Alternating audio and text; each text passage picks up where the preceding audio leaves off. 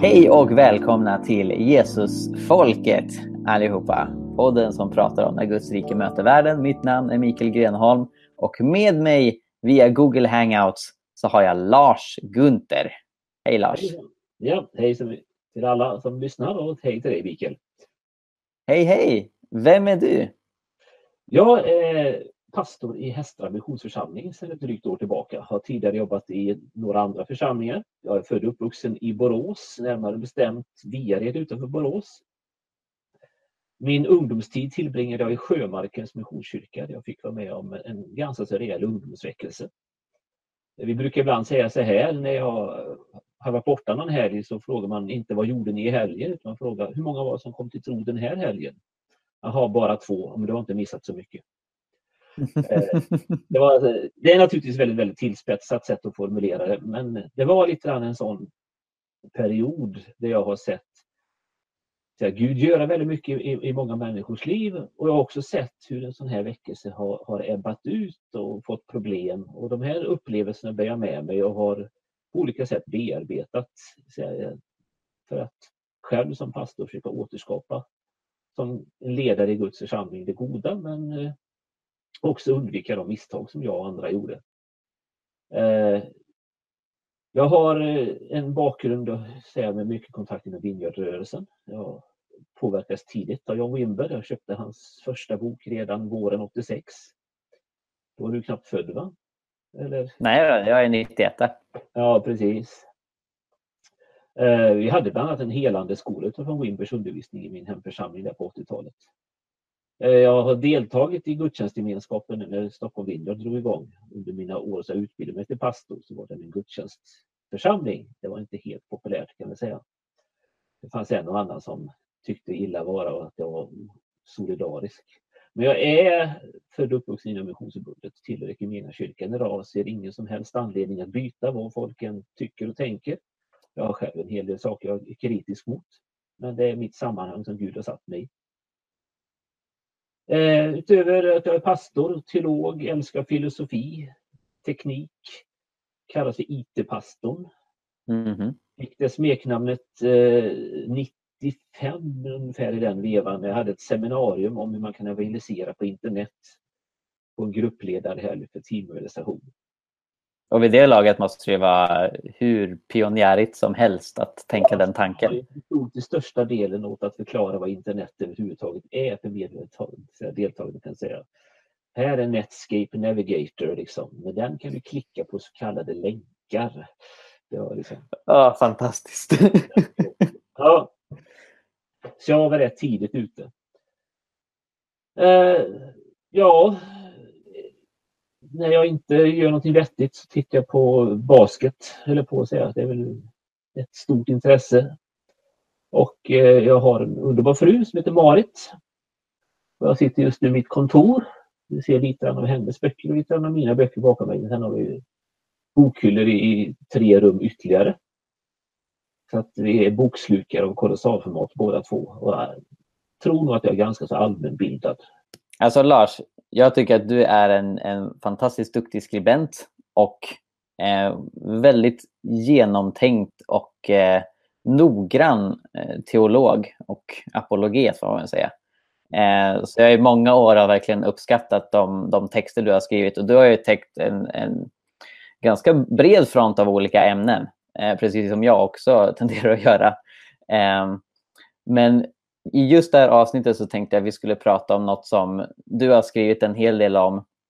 Eh, dels för några år sedan i samband med debatten kring Jesus var också flykting och sen nu inför valet. Och det är ju nationalism.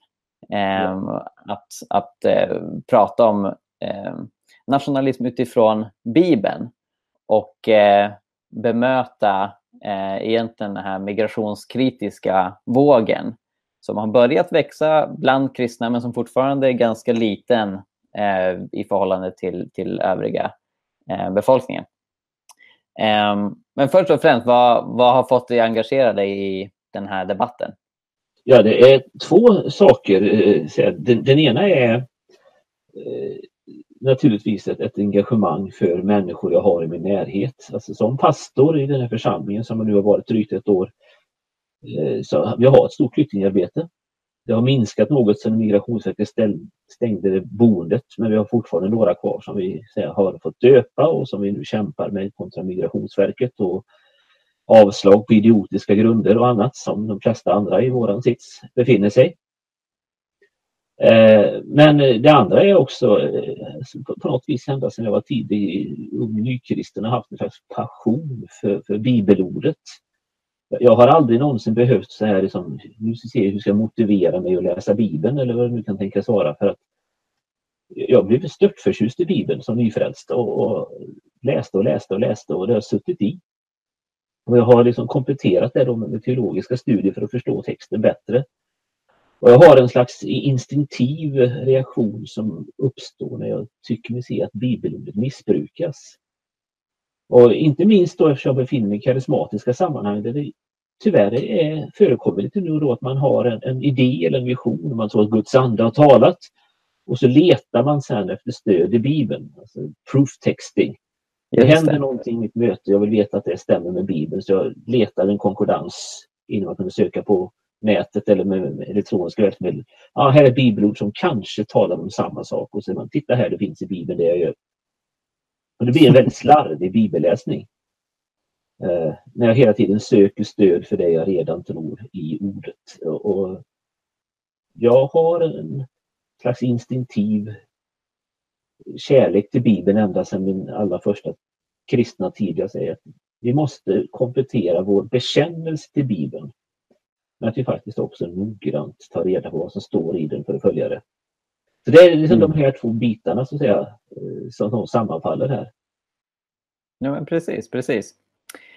Um, så vi kan väl hoppa direkt in i, i den nationalistiska bibeltolkningen. Ja. Jag har ju fått lära mig, och, och det är något så, som jag också upprepat mycket i den här debatten i och med Jesus var också flykting, eh, att nationalismen är en väldigt ny ideologi att, att både idén om nationalism Eh, och dess konkreta uttryck nationalstaten är fenomen som eh, har dykt upp eh, de senaste seklerna. Alltså man, ser, man brukar prata om, om den västfaldiska freden på 1600-talet som startskotten för nationalistiska tankar och sen att det bröt igenom på 1800-talet i och med att Tyskland och Italien enades från att vara stadsstater till att bli liksom enade riken. Och det är det man, som jag har liksom hört, att det, det, är då nationalismen börjar. Och utifrån ett sådant synsätt så blir det väldigt svårt att prata om att Bibeln skulle stödja nationalism utifrån att nationalism inte fanns. Men då har jag fått höra från vissa som är kristna nationalister att nej, det där, det där stämmer inte. Det är en felaktig historiebeskrivning. Utan Israel var en nationalstat i Gamla Testamentet och de omkringliggande rikena med Moab och Edom och så vidare. Det är liksom stater som är bundna till det folket. Och, och därför så har du fel. Jag har till och med fått höra att jag har någon slags marxistisk eh, liksom, eh, historiebeskrivning om, om jag säger att nationalismen är ny. Och vad, vad svarar vi på det? Stämmer det eller vad, alltså, vad finns det för problem med det? Frågor. Alltså, det kan ju faktiskt finnas vissa fenomen som har funnits långt tillbaka i tiden och sen dött ut för att återkomma. Eh, så rent teoretiskt skulle väl kunna sägas att nationalism en gång i tiden har funnits för 3000 år sedan, alltså på Mose tid och äldre. Och att den sedan har återkommit. Eh, för den första halvan av den här ekvationen, alltså vad är den moderna historieskrivningen? Hur ser det ut i, med 1600-talet, 1800-talet, det som du beskriver? Där är det helt okontroversiellt. Alltså det finns ingen seriös historiker som på något vis skulle påstå att det medeltida Sverige var en nationalstat. Alltså, när vi har, vi har ju västgöter, liksom. om vi läser äldre västgötalagen, om du dödar en smålänning så är det liksom peanuts i, i straff. Om du dödar en västgöte så är det ett grovt och allvarligt brott. Alltså mm. här finns inte ett uns av nationell samhörighet mellan västgötar och smålänningar. Inom parentes jag då emigrerat över gränsen och jag har bara några kilometer bort till Västergötland. Jag får, man får för mycket hemlängtan åt Åke Grimsås. Eh, men eh, vad heter det? vi har en, eh, en andra fråga och det är frågan om det har funnits en slags protonationalism eller något nationalismliknande tänkande i Gamla Testamentet. Eh, Och nu gör jag ju våra kritiker en tjänst. Det vill säga jag formulerar deras egen idé bättre än vad de själva gör. Åh, vad intressant. Vad menar ja, du med det? Vad menar det är alltså att när man försvarar nationalismen med hänvisningar till Edom och till Moab och de andra länderna runt omkring så tänker man sig bara att det är nutida nationalism och, och den nationalismen för 3000 år sedan, det är helt jämförbara fenomen. Och den tanken är ju inte ens svår att tillbakavisa för att ja, den är helt anakronistisk. Det är helt, en alltså historieskrivning som är uppåt väggarna ur varje tänkbar aspekt. Men om man då försöker hitta en, en kärna i det de säger som skulle kunna vara sant, att det finns en slags förlaga till nationalismen i de här texterna, då får du i alla fall en idé som är eh, filosofiskt, teologiskt eh, intressant att bearbeta. Och jag menar att inte ens på den nivån håller det. Mm. Jag menar alltså att du kan alltså inte se det här som protonationalism Därför att vad du gör är att du ja, använder den metoden man kallar för cherry picking. Du väljer ut vissa bibelverser mm. Och säger här har vi nationalstater och så ignorerar du bibelverser som står precis bredvid som beskriver helt andra former av statsbildningar. Eh, och, och, därmed så, säga, så handlar det inte om att du kan hitta en enskild vers som till synes stödjer en uppfattning utan du måste läsa vad Bibeln säger i sin helhet. Mm. Alltså en klassisk princip, jag lärde mig det på 80-talet som nyfrälst, alltså summan av Guds ord är sanning. Inte bara enskilda verser. Alla precis, kan... Precis. Ja. Nej, men för du skrev en eh, artikel för inte så länge sedan eh, som hette något i stil med om Gud har skapat Sverige så har han också skapat EU. Ja. Och eh, jag förstår varför du valde den rubriken. För du poängterar också i artikeln att EU bland en hel del eh, apokalyptiska kristna idag som talar mycket om den sista tiden är något väldigt ont. Eh, Eh, och liksom en föregångare för antikrist. Och man, man betraktar överhuvudtaget liksom samarbete över statsgränserna som liksom, eh, något närmast demoniskt. Utifrån att man tänker att ja, antikrist kommer komma med ett här, globalt rike och därför är alla försök till så här, globala samarbeten dåligt.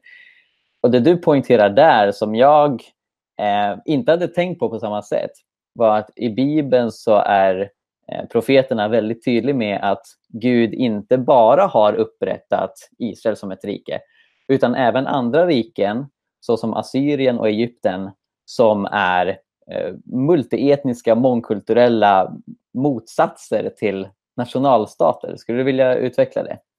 Ja, alltså det, det är väldigt tydligt att eh, det finns så säga, en, en linje i den gammaltestamentliga undervisningen om hur Gud leder genom historien.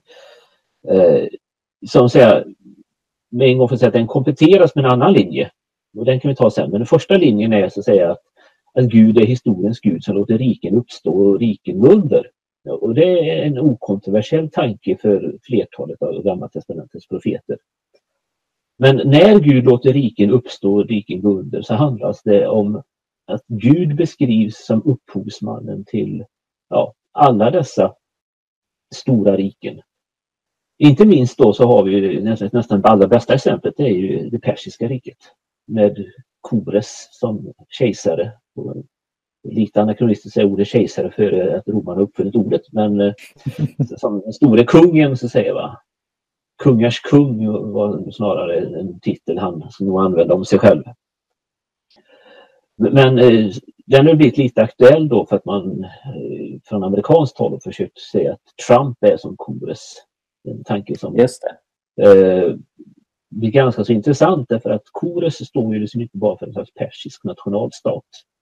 Utan han har ett väldigt, väldigt tydligt mandat i Jesaja 45 att lägga andra folk under sig, att upprätta ett rike och när han gör det så har han ett stort mått av respekt för de här andra folkens kultur och själv, säga, en viss grad av inre självbestämmande ges framförallt då när det gäller religiösa sedvänjor. Alltså han låter judarna återvända till Israel och bygga upp templet i Jerusalem. Men han gör som med alla folk inom sitt rike. Eh, de babyloner och assyrier tidigare, de hade liksom flyttat runt folken och försökt utplåna deras eh, ja, folkliga identitet och deras religioner. Eh, men här har vi då någon som på ett väldigt, väldigt tydligt sätt respekterar de olika här, kulturella särdragen hos undersåtarna och bygger upp det största riket som världen då dittills har skådat. Och Jesaja 45 beskriver att det är Gud som låter honom göra det eller som ligger bakom detta. Eh, och en sådan stat skapad av Gud om vi ska gå till våra dagar så, så är det inte nationalstater för fem öre som beskrivs mm. i det skedet. Eh, alltså det är inte heller ett internationellt samarbete typ EU eller Förenta Nationerna. Det vore att göra en anakronistisk läsning av det. För det är snarast ett imperiebyggande. Mm. Mm, precis. Så, så, att vi ska inte säga att det är en exakt parallell till EU heller. Långt därifrån. Eh, då är vi återigen inne på att det är viktigt att inte göra anakronistiska jämförelser tillbaka i texten. Men det är alldeles uppenbart att det här är så långt ifrån en nationalstat du kan komma. Jo men precis. Och som jag förstår din argumentation i artikeln så är väl om, om vi accepterar påståendet eh, från många av dagens kristna nationalister att Gud har skapat Sverige. Något Bibeln inte påstår, för Sverige nämns inte i Bibeln. Men liksom, de gör det utifrån logiken. Ja, men titta i Bibeln så upprättar Gud riken, så därför har han upprättat Sverige. Och utifrån den logiken, när man tar liksom, eh, det som råder då och bara liksom plumpt applicerar det på nutiden, då måste man också dra slutsatsen. Men i så fall har man upprättat allting. Alltså även, även de länder som inte är nationalstater. Ja, det är även... precis det som är min poäng. Att, eh, mm. att om, om, du tillämpar det i det ena fallet måste du tillämpa det precis lika mycket i det andra fallet. Mm. Men vad de gör då i det här fallet eh, det är att man, man, byter ben och så går man helt plötsligt in på en, en, annan tanke i det bibliska materialet, nämligen tanken om nationerna som upproriska mot Gud. Mm. Alltså, som är en, en, annan stark tanke som finns på, på väldigt många ställen. Liksom, eh, Apostlärningarna kapitel 5, nu ser, 4 är det va? de har sannerligen gaddat sig samman här i denna stad. Eh, Herodes och Pilatus och romarna och eh, folkets ledare, alla har gaddat sig samman emot Gud. Eh, och det är ju det som sen då mynnar ut i, i liksom antikriststanken, som det stora liksom gudsfientliga upproret. Och jag menar att de bibelorden som används för att styrka upproren mot Gud tar man då ur sitt sammanhang och tillämpar mot den nutida liksom högerideologiska tanken om globalism. Medan det som är nationalist, de orden ser man inte som en del av upproret. Mm. Eh, alltså man, man, man, växlar fot utan att ha något bibliskt stöd. I ena fallet så tar man upprorsbibelorden och tillämpar på EU. Och så tar man Gud har skapat det bibelorden och tillämpar på nationalstaten. Mm. Och det låter det bibliska materialet oss inte göra. Eh, sen ska vi inte gotta ner oss i, i antikristtanken och så vidare. Det tror vi håller på en timme till. ja, precis. Just att man växlar fot utan att ha någon egentlig grund för det i det bibliska materialet. Mm. Det är den slarviga tolkningen. Alltså jag förnekar inte att det finns eh, bibelord som talar om, om nationer i uppror mot Gud på, på olika sätt. Men jag förnekar att man kan använda det så selektivt att du använder det ena om nationalstaten och det andra om EU utan att mm. säga, ha någon slags saklig bibeltolkning som grund för det. Ja, men precis, precis. Jag har en annan tanke som jag skulle vilja pröva med dig.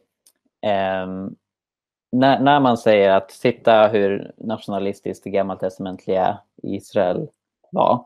Eh, så syftar man ju då på att de, de, var ett folk, de hade en stat och det finns också en hel del eh, jag, jag har inte kunnat hitta jättemycket så här, eh, lovprisning till Israel så att säga, eller liksom så här, eh, ehm, vikten av att hylla Israel som, som vi ser idag med, med ja, nationaldag och nationalsånger och så vidare.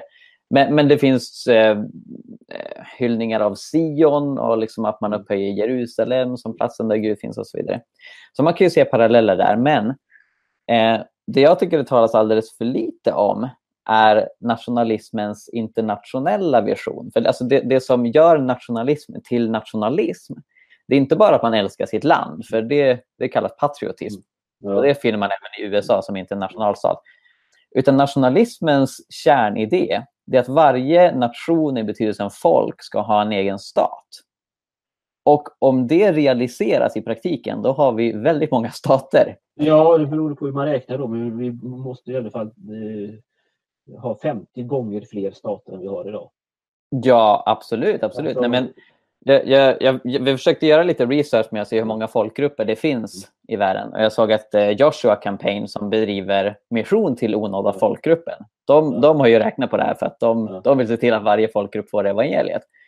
Och väldigt strikt och konservativt räknat så finns det 11 000 folkgrupper. Men man kan, så här, om man tittar på olika nyanser och detaljer och liksom så upp, uppdelningar inom dem så kan man komma upp i 20 000.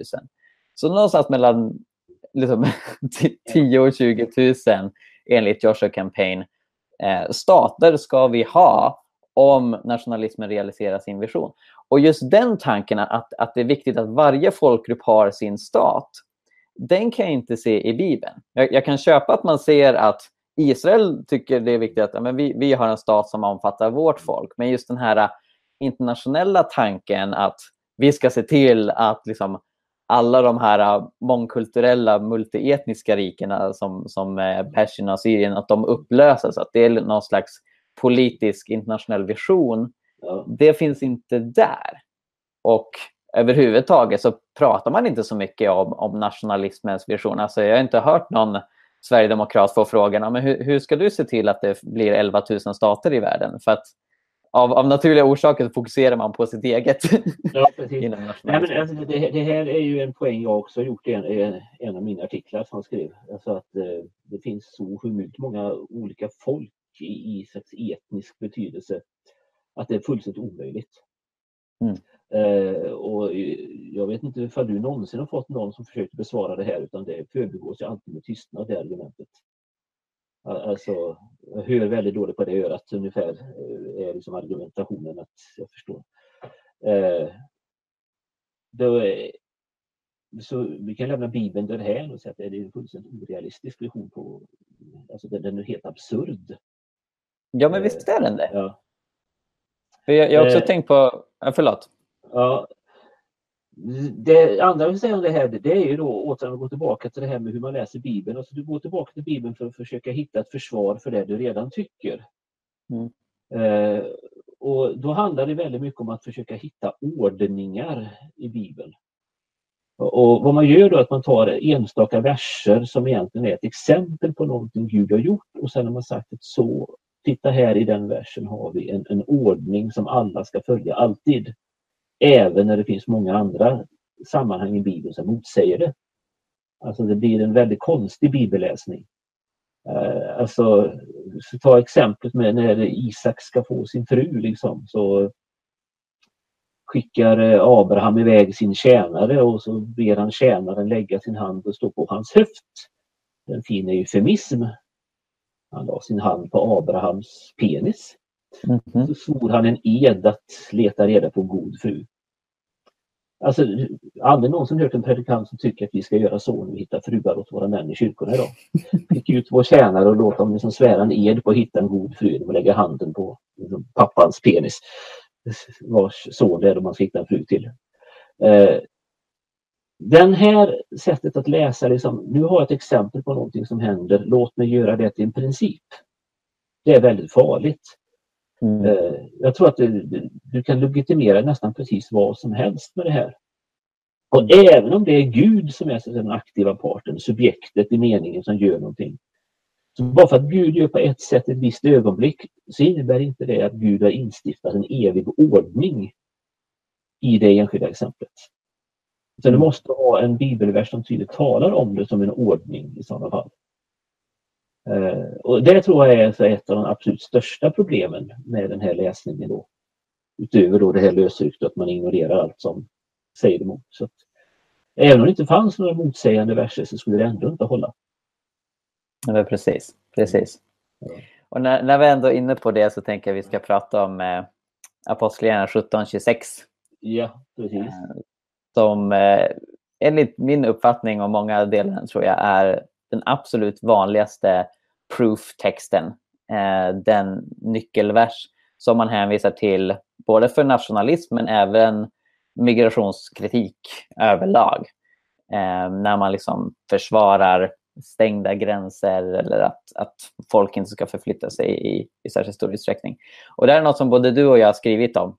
Eh, ja. när, när jag och Stefan Svärd satt, satt och författade eh, Jesus var också flykting, då sa jag ja, men Apostlagärningarna 17.26 måste vi ha med.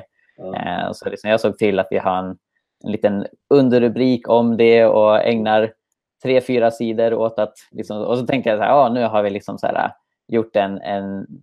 Den första som jag hade sett så här, eh, exegetiska fokuseringen på den versen just för att möta den här idén. Sen kom du och släppte inte ett utan två blogginlägg ja. där du går igenom Craig Keeners Acts på 4000 sidor med flera exegetiska kommentarer och verkligen så här superfokuserade. Så att, så att ja. sen dess har jag bara hänvisat till din artikel. Ja, men Lars har gjort det där jättebra. Ja. Eh, nej, men så... Jag har inte läst alla 4000 sidor än i den här. nej, nej, förstås. förstås. Men det, men, det, ja. det är en så fantastisk bild när du sitter där vid datorn mm. och, och du har alla de här kommentarerna staplade på varandra. Och liksom, en vers ska vi nu ja. förstå meningen i. Ja. Jo, nej men eh, alltså, jag tror att det är mitt jobb lite grann i världen i, säga, att serva mina pastorskollegor och annat med argument. När, när det mm. dyker upp diskussioner i deras församlingar. Alltså, ja, för övrigt är jag också präster i Svenska kyrkan och andra sådana kyrkor som har prästtiteln. Jag vill inte utesluta dem, jag säger ordet pastor här. Mm. Ja, men, men alltså, att vara den som har läst ett varv till. Eh, och det är liksom den sortens beröm jag får. Alltså jag kanske inte har så jättemånga läsare men jag vet att de som läser mig är ofta personer som har en form av ledaruppdrag i kyrkan. Eh, och eh, här är, är, det då så att jag tänkte nej, jag ska gräva ner mig i den här versen så att ingen ska liksom kunna slå mig på fingrarna och säga eh, men har du tänkt på det här och sen ska jag säga oj, du tänkte inte på det. Alltså, här, uppfinnaren Sundbyberg Lorry som inte du minns hur du ung för det, höll på att säga. jag tror vi, vi har kollat på någon VHS-inspelning av ja. om det var Lorry eller Yrrol, något av dem. Ja, oh, precis. Han slutar alltid med att han säger på slutet, jag tänkte inte på det. Eh, men eh Eh, så att det här var väl också ett sätt att se alltså, vad finns det för tolkningstraditioner. Och en del av dem är väldigt svåra att, lokalisera för eh, det här som de främlingsfientliga hänvisar till då, nationalistiska. Eh, deras tradition den är så pass obskyr, så pass liten så det är stört omöjligt att hitta material som säger något sådant. Eh, men ja, och det är inte bara obskyrt utan det är också väldigt problematiska personer som har företrätt ja, Jo, ja, men vad vi hittar här är ju då som jag skrev i mitt inlägg, det är ju sådana som försökt försvara apartheid. Eh, det är sådana som försvarat eh, nazisterna, det är sådana som har försvarat Jim Crow-lagarna i sydstaterna. Så att säga. Det är slaverimotståndet i, eller slaverianhängarna, förlåt, när, när de eh, fick eh, olika former av bibliska argument mot sig av eh, Charles Finney och andra så gick ju de till Bibeln och hittade sina verser. Och då, då handlade det väldigt mycket till exempel i deras fall om att förbjuda äktenskap mellan vita och svarta. Just det. Alltså, det, var, det var en av deras stora frågor i den amerikanska södern på 1800-talet, 1900-talets början. Mm. Alltså blandäktenskapen. Eh, och, och de hänvisar till Apostlagärningarna 1726, alltså folken ska vara separata och ha varsitt område och så vidare. Mm. Eh, de kommer aldrig på tanken att de därför skulle återbörda de svarta till deras afrikanska hemländer och plantera dem där i godan ro, fred och, och frihet. Det betyder samma sak Apartheidförespråkarna menade ju inte att, att de skulle åka tillbaka till Europa. Nej, precis. Så det, det är ju inkonsekvent. Men jag tänker för de, de som inte har en eh, bibel framför sig så, så ska vi ta och läsa upp versen eh, så att ni har koll på vad vi pratar om. Eh, då står det i Bibel 2000. Av en enda människa har han, det vill säga Gud, skapat alla folk. Han har låtit dem bo över hela jordens yta och han har fastställt bestämda tider för dem och de gränser inom vilka de ska bo. Och Jag tror definitivt att det är just ordet gränser som lyser oh ja. för en nationalist eller migrationskritiker. Och, ja, och, och, så, och det, det är massa folk som har, som har sagt det nu i den här moderna debatten som har pekat på det här. Men titta, Gud har skapat gränserna. Han vill naturligtvis inte att vi ska korsa dem. Han, han vill ha kvar de här gränserna åt varje folk. Så varje folk finns i sina gränser och vi har en uppdelad värld. Det är det man argumenterar för. Så är det det Paulus säger? Nej, det är ju definitivt inte det Paulus säger. Det för att ordet gräns i det här fallet inte är en teknisk term för, för gräns mellan nationer. Eh, alltså, jag kan bara säga hur, hur pass noggrann jag var då. Eftersom just det här ordet är det som det allra mest diskussion om. Så jag läste på vad som står om det ordet i samtliga säga, grekiska ordböcker som finns. Och Så pratar vi inte bara om de här som översätter horostesia som eh, står i, i grundtexten med gräns utan som hade långa, långa artiklar. Alltså, så jag läste på eh, alla ledande verk som så här, har, har långa utläggande artiklar om hur orden används. Det är ett väldigt ovanligt ord i Bibeln. Så att, eh, Eh, men det finns också sen då vissa andra ställen där man kan till exempel säga att nu gör vi en gräns mellan dig och mig och så slår man ner en sten i backen. Och det kan liksom vara då att här börjar mina åkrar och där slutar dina åkrar. Då kan det ordet användas. Eller eh, här börjar eh, mitt distrikt som, som regional förvaltare och här slutar ditt. Så att säga. Alltså ungefär här är gränsen mellan Jönköping och Ulricehamn. Någonstans. Mm. Man kommer ut med vägen och så ser man en skylt. Att nu börjar Ulricehamn och här slutar Jönköping. Eh, och det är alldeles uppenbart att eh, det finns eh, många olika slags gränser man kan dra på en karta. Men att det här ordet skulle innebära då att, att folken inte har rätt att förflyttas över gränserna. Det är en, en grov övertolkning. Och att det skulle ja, just på, på landsgränser, eller nationalstatsgränser, är ju en, en synnerligen övertolkning eftersom den andra aspekten här då är inte bara att man måste titta på grammatiken och orden i grundtexten, utan man måste också titta på den historiska kontexten. Paulus är född i Tarsos. Han är jude. Han åker runt inom romarriket. Han står i Aten. Han har korsat många gränser men rört sig inom samma rike. Alltså det, det är inte romarrikets gräns han korsar när han korsar gränsen mellan där det i huvudsak bor grekisk, säga, greker, alltså etniska greker. Grekisktalande var ju alla lite till mans i östra halvan av romarriket. Eh, men eh, även inom de områdena så fanns det så Galatien ett område. Och sen kom jag ner mot kusttrakterna med Korint och så vidare, ett annat område. Mm. Det finns ganska många områden och rent krasst är det så att de flesta människor på den tiden de föddes i en by och levde i den byn och de var kanske aldrig mer än fem kilometer hemifrån under hela sin livstid. Om du inte var en kosmopolit som Paulus. Ja, precis. Så att eh, det, det, här är liksom ett ord som, som är på tok för luddigt och för tok säga, för, för brett i sin betydelse för att kunna fastställas som en nationalstatsgräns. Och av mm. historiska skäl är det också helt omöjligt.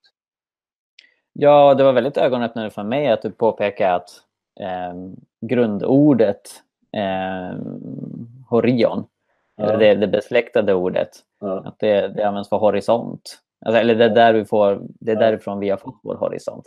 Ja, precis.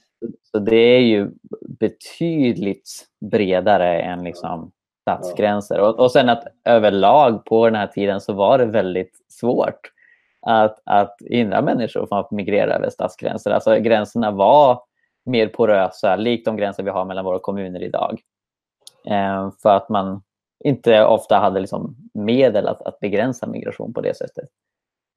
Nej, och, och, och som sagt det här var också en tid där eh, ofta de härskande så här, uppmuntrade migration. Eh, eller ibland till och med tvångsförflyttade stora delar av sina folk. Det vill säga, om ett stort rike erövrar ett nytt territorium så vill de ha dit undersåtar.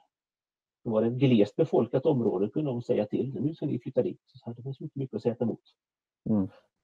Ja, precis, precis. Och sen också den här kontexten som han pratar i, som du säger, han är missionär, han står i Aten och hela syftet med predikan är att leda atenerna till tro. Det är inte ett politiskt manifest. Syftet är inte att han argumenterar mot migration eller liksom för hur olika folk ska befinna sig. Och, och, den här versen är ganska tydligt tagen i sitt sammanhang för att den fortsätter väldigt naturligt. Resonemanget fortsätter eh, i versen därefter. Mm. Där han uttalar syftet med att Gud har bestämt tider och gränser för folken.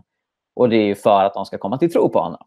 Ja, så he hela argumentationen är ju att ni tillber en okänd gud här i Aten. Jag förklarar honom för er. Det är Israels gud, men tro inte att bara för att det är Israels gud så är, så är han irrelevant för er, att, att den guden bara tillhör ett annat folk. Utan nej, det här är guden som har skapat alla människor och som haft koll på er. Han, han har liksom placerat er i tid och rum, här och nu, för att ni ska komma till tro på honom. Ja. Det, det, är ju resonemanget. Det är sammanfattat. Eh, det är precis det som är Paulus poäng. Mm. Eh, och, och, så en liten sak ytterligare då, nämligen att atenarna då trodde att eh, de var ju lite finare än de övriga grekerna. Framsprungna ur den säga, äkta grekiska, eller som man sa på den tiden, attiska myllan. De hade ju som en, en, en myt om sig själva att atenarna hade uppstått på ett annat sätt än andra, eh, till den andra grekiska folk. De var lite finare och förmer. Och när han säger att alla kommer från samma ursprung så knäpper han ju deras bild av sig själva som överlägsna på näsan. Ja, precis. Så, ja. ja verkligen, verkligen. Du, vi ska ta och avrunda alldeles strax. Ja. Eh, men jag är nyfiken på dina tankar om eh, vad som ligger framför. Eh, som, som sagt så, så ser vi att främlingsfientligheten har svårare att ta sig in i kyrkan än i övriga samhället. Men samtidigt ska man inte blunda för att det är en ökning. Eh, så det är fler som har de här idéerna. Eh, kristna ledare, även om de är väldigt få fortfarande, men som har de här idéerna, har blivit mer frimodiga eh, och går ja. fram med öppet namn snarare än pseudonymer och så vidare. Vad, ja. vad ligger framför? Vad, hur, hur, hur motverkar vi den här rörelsen?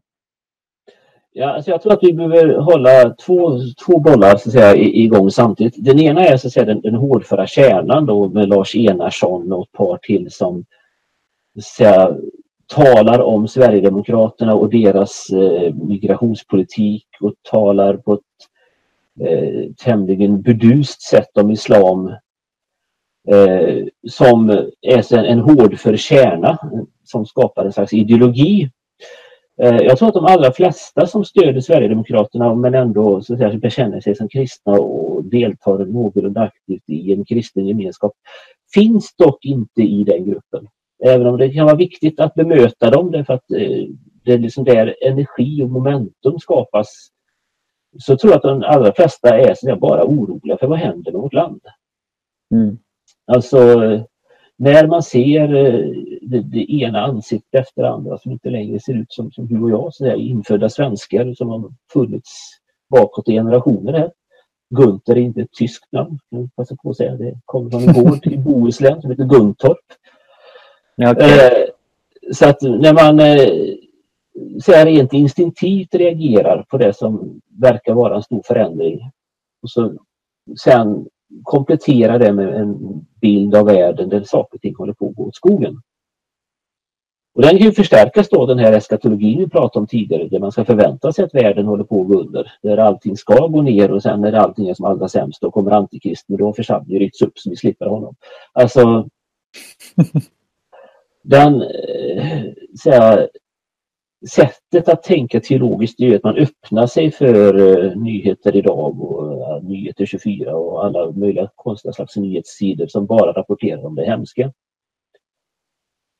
Och då tänker man liksom, kanske inte så mycket att Sverigedemokraterna är, är av Gud utsedda för att Gud vill ha en sådan ordning utan man tänker mer bara att men någon slags herrans ordning måste det vara ett land man reflekterar eh, över eh, abortfrågan, över Israelfrågan, över andra sådana frågor. Så tänker man, men, ja men de pratar åtminstone om det här. Och då tänker jag att i deras fall så handlar det inte så mycket om, om Lars Enarssons och Apostlagärningarna 1726 argumenten. Utan då handlar det snarare om att, att våga se med en slags andlig urskiljning även om du är en Israelvän. Att, att det inte ursäktar det andra. Alltså jag brukar ofta använda bilden av att även du får en fantastiskt fin välavlad måltid till dig på en fin restaurang. Men om kocken har tillsatt stryknin som krydda så kommer du ändå inte må bra av att äta den. Eh, och jag menar att det finns vissa inslag då i det Sverigedemokratiska partiprogrammet, i den främlingsfientliga agendan, i den här storvulna nationalismen som är som stryknin. Eh, så att även om du har en Israelvänlig hållning, även om du har, tror att det bästa sättet att minska antalet aborter i världen är att införa totalförbud. Eh, Eh, även om du har de här idéerna så är Sverigedemokraterna ändå inte ett alternativ som är bra. Eh, och det här är ju då med risk då för att vi ska hamna på Goodwins lag i slutändan. att, det, det är faktiskt så här att, många kristna i, i Tyskland på 20 och 30-talet välkomnade nazismen mm. av just den här sortens argument. De såg liksom inte folkmord och, och judeutrotning och världskrig framför sig. Men de tyckte att det var för mycket dekadans i 20-talets Tyskland. Alltså musikalen Cabaret skildrar ju den här dekadanta liksom, nattklubbsscenerna. De, de reagerar liksom på det avklädda. De reagerar liksom på att människor hade könsöverskridande identiteter och liknande sådana saker. Och så tänkte man, här har vi ett parti som tar itu med detta. Och det tilltalade väldigt många kristna. Och just det faktum att man kan faktiskt se att det finns eh, en, en genuin rädsla, om man ser det som att den finns i människors hjärtan, men den egentligen inte är riktigt befogad för världen håller inte på att gå åt styr på det sättet. Det, det är ju så att säga en andra front som inte bemöter framförallt med bibliska argument utan med Hans Rosling och med eh, goda fakta på bordet. Ja, men precis. Ja. Det, det, är förvånansvärt många som tror att Sverige är ett fattigt land, eller i vart fall förnekar att Sverige är ett rikt land. Eh, så har jag märkt. Eh. För att ja, man, man läser i nyheterna man tänker att nu går allt åt pipan och pensionärerna får inte sill på pannkakorna. Och, och liksom, vi, har, vi har uttömt vår ekonomi och spenderat allt på invandring. Eh, så bara en sån enkel faktauppgift som att vi har världens äldsta högsta BNP kan förhoppningsvis få folk att tänka om lite grann. Ja, visst. Eh, samtidigt så får man ju räkna med att det finns idag en, en faktaresistens som är frustrerande. Men jag tänker att när jag möter sådana här inlägg i, i de diskussioner jag tar så är det ju inte egentligen de jag debatterar med alltid som försöker vinna utan det är tredje part som bara läser. Verkligen. Eh, verkligen. Det man skriver. Alltså de, de som kanske överhuvudtaget inte ger sig till känna men, men eh, det tror jag är en av de viktiga sakerna. Mm. Eh, och sen tänker jag också det här att det handlar väldigt mycket om alltså en slags utnötningstaktik eh, från, från båda parter. Alltså det handlar om att inte ge upp vad som än händer. Det, det här kommer inte gå över imorgon. Vad vi än gör, du och jag och alla andra som goda krafter så, säga, så kommer det här finnas kvar. Så att, att inte förtröttas. Jag tror nog är en eh, annan nyckel i det hela. Nej men verkligen, verkliligen. Men däremot tror jag inte det är helt omöjligt att det har gått förbi om tio år. Att det har besegrats om tio år eller 20 år. Ja, ehm, alltså, men det bygger på väldigt många olika parametrar och val. Historiskt sett så är ju populistiska partier också benägna att eh, att råka ut för falangstrider och liknande och kan implodera mm. över natt.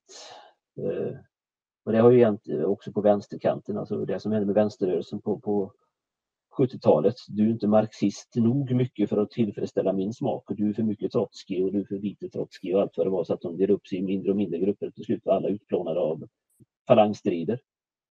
Precis. Eh, det, det vi har sett här är att vi har lyckats få några namn som Jimmie Åkesson i Sverige och Orban i Ungern och, och så som kan stå som enande gestalter. Eh, men vad händer den dagen Jimmie Åkesson säger att nu ska inte jag vara partiledare längre? Alltså det, är, det här är rörelser som är väldigt, väldigt beroende av sin eh, starka ledare. Förlåt, vem, vem sa det inte kan vara partiledare? Jimmie Åkesson, alltså förr eller senare kommer ju också han säga att nu får det räcka för mig. Ja, det är sant. Mm. mm. Du Lars, tack så jättemycket för att du har varit med. Ja. Eh, otroligt stimulerande diskussion. Eh, och eh, som, som alltid så hjälper du mig tänka eh, kring ja, de här jag frågorna. säger detsamma. Ja, men strålande. Eh. Så ja, men alla ni som har lyssnat, kolla in det Lars skriver på itpastorn.nu. Eh, ni kommer hitta mycket bra grejer där. Eh, ja, tack Lars. ja, tack så mycket själv.